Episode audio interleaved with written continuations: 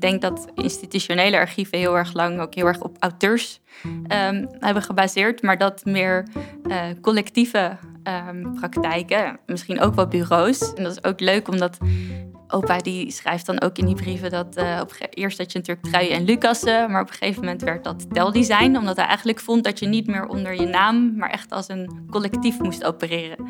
Um, waardoor zijn naam misschien ook weer wat minder zichtbaar werd. Wat moet er met de archieven van designers gebeuren? Wat wordt er wel voor de toekomst bewaard en wat niet? In deze podcast gaat Anne-Martine van Kesteren, conservator design bij Museum Boymans van Beuningen, in gesprek met ontwerpers en erven over wat het inhoudt om een ontwerparchief aan te leggen, bij te houden en de pijn die het doet wanneer een verzameling verloren gaat als niemand zich erover ontfermt. Zal ik beginnen? Ik ben Katia Truijen en ik ben de kleindochter van Emiel Truijen en de dochter van Victor Truijen en René Borgonje ook nog een broertje, die heet Maurice Truijen. Uh, en ik werk als onderzoeker en curator en ik maak muziek. Nou, ik ben Victor Truijen, ik ben de zoon van Emiel Truijen. Uh, ik ben uh, een beetje in zijn voetsporen, ben ik ontwerper geworden. Ik heb dezelfde, af, dezelfde opleiding als hij gedaan. de KABK in Den Haag, Koninklijke Academie van Beeldende Kunsten. In mijn tijd heette dat architectonische vormgeving. En in de tijd van mijn vader was het interieurarchitectuur. En dat is het nu eigenlijk ook weer. Emiel Truijen overleed in 2003 op 75-jarige leeftijd. Hij was industrieel ontwerper en hoogleraar aan de TU in Delft, waar hij de afdeling industriële vormgeving opzette.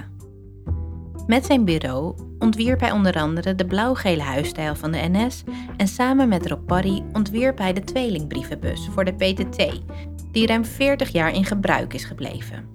Ik weet nog dat als ik naar school fietste vroeger, dat, dan, dat ik twintig brievenbussen tegenkwam van mijn opa. Dus het was dat heel de tijd om, om ons heen natuurlijk. van, En ik zei dan ook altijd, hey opa. Ja, dat was wel zo, leuk. Goed, ja. Precies, totdat natuurlijk het nieuwe ontwerp uh, op een gegeven moment kwam. Dat was denk ik toen ik een jaar of 13, 14 was. Ja, toen, dus werden ze vervangen. Ja, toen kwam het, het, het ontwerp van uh, Niedamer, Peters en Krauwel. Ja. Dat is eigenlijk... Ja, wij zeggen eigenlijk de redesign.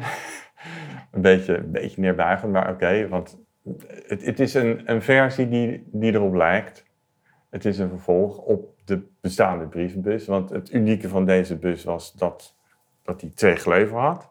Dus de, de, de, brievenbus verdwijnt uit het, uit het straatbeeld. Opa is niet meer dagelijks eh, zichtbaar op je route naar school. Precies, en dat heeft dus op Maurice heel veel indruk gemaakt. Van ja, die, die brievenbus, die, die wil ik weer terug in het straatbeeld. En toen op een bepaald moment kwam hij op het idee ehm, om een foto waar hij erg gecharmeerd van was. Of erg... Mijn vader samen met zijn collega Rob Parry, hele mooie zwart-wit foto. Dat ze samen aan een tekentafel staan en mijn vader een beetje in gedachten zo van uh, hij doet het denkwerk en Rob Parry deed dan het tekenwerk. Zo staan ze echt op die foto.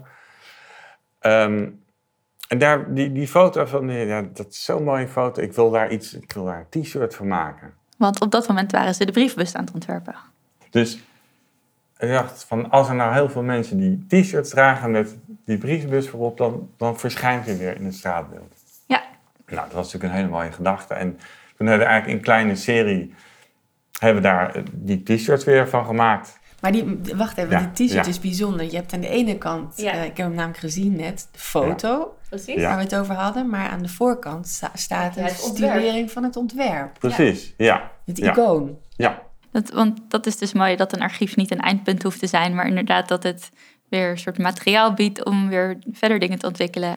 En die is in oplage, loopt nu rond in Amsterdam en in allemaal goede plekken. Ja, precies. Dat was, dat, nou, ja. Mooi hoe dat zo door, uh, als een cascade doorgaat, hè, dat ja, archief. precies. Dat je eigenlijk een, een, een soort van medium vindt om, om ook dat weer voor te laten leven.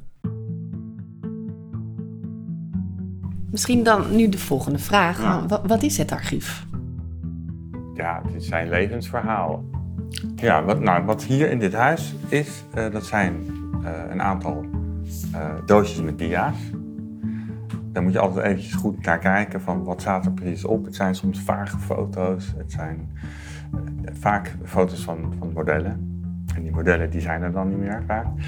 Ehm, eh, het zijn natuurlijk vooral foto's ook. Nou, daar was mijn vader best goed in. Dat hij, ehm, ik denk dat mijn moeder daar ook aan heeft meegewerkt. Het zijn mooie kartonnetjes en daar zijn foto's opgeplakt. En dan netjes, keurig netjes een, een getypt regeltje eronder wat het object is dan.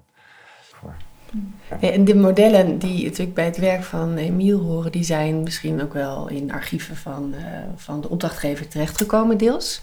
Dat zou vaak kunnen, ja. De TU waarschijnlijk wel. Heb je er zicht op, weet je dat? Daar heb ik niet zo goed zicht op. Nee, nee. Nee, daar zou ik echt een keer de TU over uh, moeten informeren, moeten bellen, moeten nagaan van wat, wat, wat is er aan materiaal uh, overgebleven. Uh, waar wel materiaal van is, um, dat is natuurlijk de tweelingbriefbus. En er zijn een aantal, nou ja, gewoon, dat zijn gewoon overgebleven echte exemplaren eigenlijk. En um, zou, je, zou je, want je zegt, dat, dan zou ik moeten dus uitzoeken bij de TU. Zou je dat willen? Zou je dat willen weten, waar die delen van het archief zijn? Zeker, daar ben ik wel in geïnteresseerd. Emiel Truijen was een man van het collectief. Dat betekent ook dat zijn naam minder bekendheid heeft, omdat hij aan het collectief heeft vastgehouden. Dus deze tussen twee haakjes onbekende ontwerper heeft twee grote iconen uit het Nederlandse straatbeeld gemaakt: de brievenbus en de huisstijl van de NS. Hij heeft vele jonge ontwerpers opgeleid en we hebben geen idee wie het is. Het is grappig dat Katia en ik daarover gehad hebben. Dat hij iemand was van.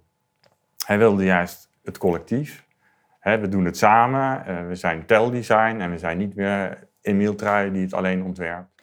Later in zijn carrière veranderde deze gedachte. Dat kun je lezen in de brieven die hij schreef aan zijn zoon Victor en dienstvrouw. De brieven zijn gebundeld in een boek. Brieven van een designer, een autobiografie. Als je dit, dit boek dan leest, dan merk je van... Ja, ik was wel dat collectief en ik was wel in, in de, de TH, de Technische Hogeschool Delft, dat later TU Delft werd. Was ik wel onderdeel. Maar hij vindt het toch ook wel leuk dat hij in het boek toch even kan benadrukken dat hij het ook wel was die bepaalde onderdelen had opgezet. Dus dat hij dan toch weer de naam Emil Trui een beetje naar voren. En dat is misschien ook wel weer begrijpelijk met de ontwikkelingen die in het designveld gaande zijn op dat moment. Dus die tijd dat je je anonimiseert en dat je meer een collectief wordt. Ja. Precies. Dat is de tijd waarin hij veel heeft gedaan. Daarna wordt het handschrift en de signatuur belangrijk. Ja. Er komen de namen en de personen, personen achter het ontwerp meer naar voren. En dat gaat zelfs heel ver op gegeven moment. Ja. Dat ziet hij natuurlijk gebeuren in, zijn, in, zijn, in, de, in de, de latere jaren van zijn leven. Dus ja, ik denk dat hij dat inderdaad ook wel een soort van vast heeft willen leggen van uh, in de tijd uh, eh, 1966 was het. Um, dat de huisstijl voor de Nederlandse spoorwegen werd ontwikkeld. Wat toch echt een, een, een, collectief product is. Ik kan het ook zien aan de. Als ik daar heb ik dat heel leuk diaatjes van, kleine diaatjes van uh, treinmodelletjes in allerlei verschillende kleuren. En dat waren echt ja, treinmodelletjes eh, van het merk Merklin en Trix had je in die tijd. En die waren dus in allerlei verschillende kleuren geschilderd. Met kleine uh, figuurtjes ervoor, dat ze maar een soort van realiteit konden nabootsen van wat, is, wat doet het als de trein rood is van kleur? Of wat doet het als hij groen is? En toen kwam de kleur geel, wat best wel opvallend was. In, in mijn ogen hebben zij die kleur geel uh, dat heb ik achteraf vast bedacht van, volgens mij was in die tijd, het heel erg van de Beatles. En toen kwam Yellow Submarine. Was hetzelfde jaar. Dat was hetzelfde jaar. En ik dacht van, ja, dat moet toch ergens... Zaadje. Dat, dat, moet toch ergens iets, iets geplant hebben. Van nou, dat, dat is zo'n gave kleur, zo'n aparte kleur voor een, een, een, een voertuig. Waarom zetten we dat niet op de trein neer? Want het was heel, heel gedurfd hoor, die kleur geel. Op dit moment is Victor opnieuw bezig met het archief van zijn vader. Samen met zijn dochter Katia is hij bezig met het maken van een website. Het zou zo leuk zijn als mijn vader ook ergens op internet zichtbaar zou zijn.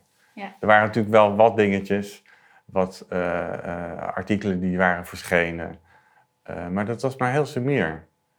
Um, en dat was vaak via bijvoorbeeld Rob Parry, die, had, die is lang werkzaam uh, gebleven. met zijn eigen praktijk. Hij had ook wel een eigen website. En dat was natuurlijk wel via via te vinden van... oké, de briefbus was van hun samen. Dus dan werd die 103 wel vernoemd.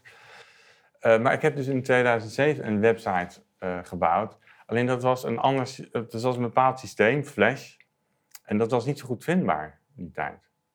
En dat bleek ook later dat dat systeem een beetje uit de lucht is gegaan. En uh, nou ja, goed, dat was natuurlijk best wel uh, jammer, omdat we er veel energie in hadden gestoken. En, uh, ja. Nou goed. Geval. Dus ja. een paar jaar is die website uit de lucht geweest. Um, maar nu zijn we die weer. Um... Ja, aan het reconstrueren. Precies, maar, maar ook heel erg gaan nadenken over wat dat archief dan precies is. En, en wat, er, of, nou ja, wat er hier in huis op Zeeburg Eiland bij jou en mama is.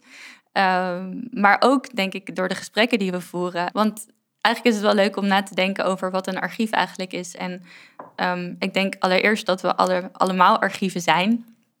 En wij dan misschien ook een stukje, en natuurlijk ook jouw broers en zus en de hele familie, en mijn broertje, dat we allemaal, en mijn oma natuurlijk eerst ook, archieven zijn van, van het leven en het werk van mijn opa. Um, en dan bedoel je eigenlijk door de herinneringen en de dingen die je zijn nagelaten. Precies, en de dingen die aan ons zijn doorgegeven. Mijn oma bijvoorbeeld, ik heb uh, ja, bijna 15 jaar brieven met haar weer geschreven. Uh, heen en weer. Dus ik heb weer een heel archief van brieven van, van oma. Uh, waar ook heel veel over het werk van opa dan af en toe nou ja, langskwam.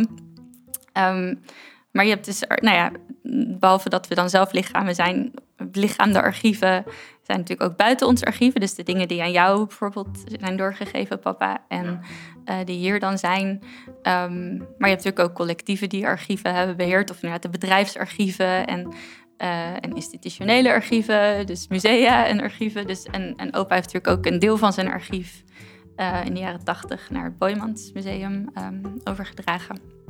Maar wat ik interessant vind is dat wat een archief is, dat dat heel erg verandert en ideeën daarover veranderen.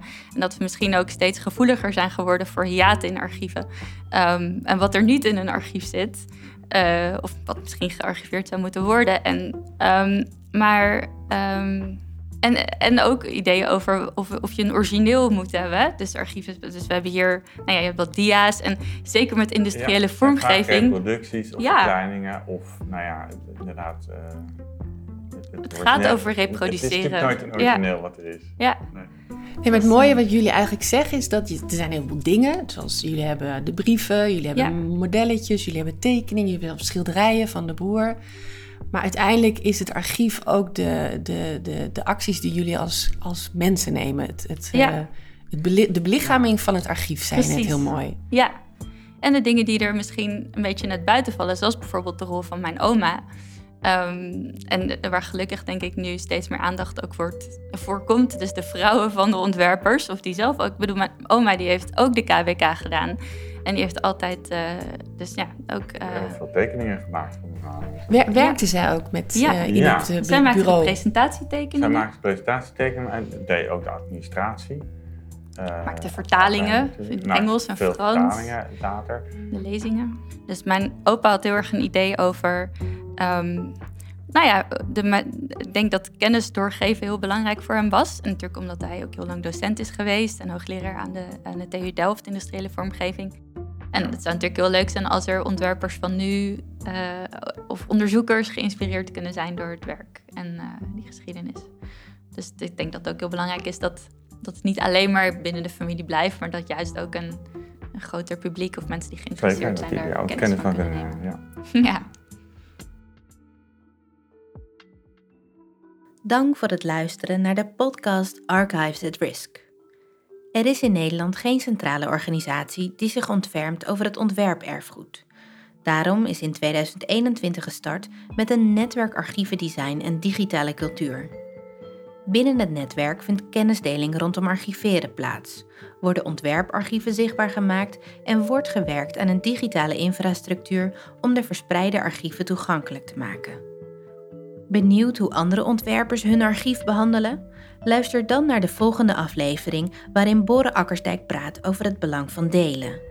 En dan bedoelt hij niet alleen kennis met andere ontwerpers. Maar het gaat om het grotere geheel van hoe kunnen we de industrie transparant maken en hoe kunnen we hier allemaal aan toevoegen. Ik denk op grote schaal archief hebben is eigenlijk gewoon. Kan, we kunnen dat niet niet doen.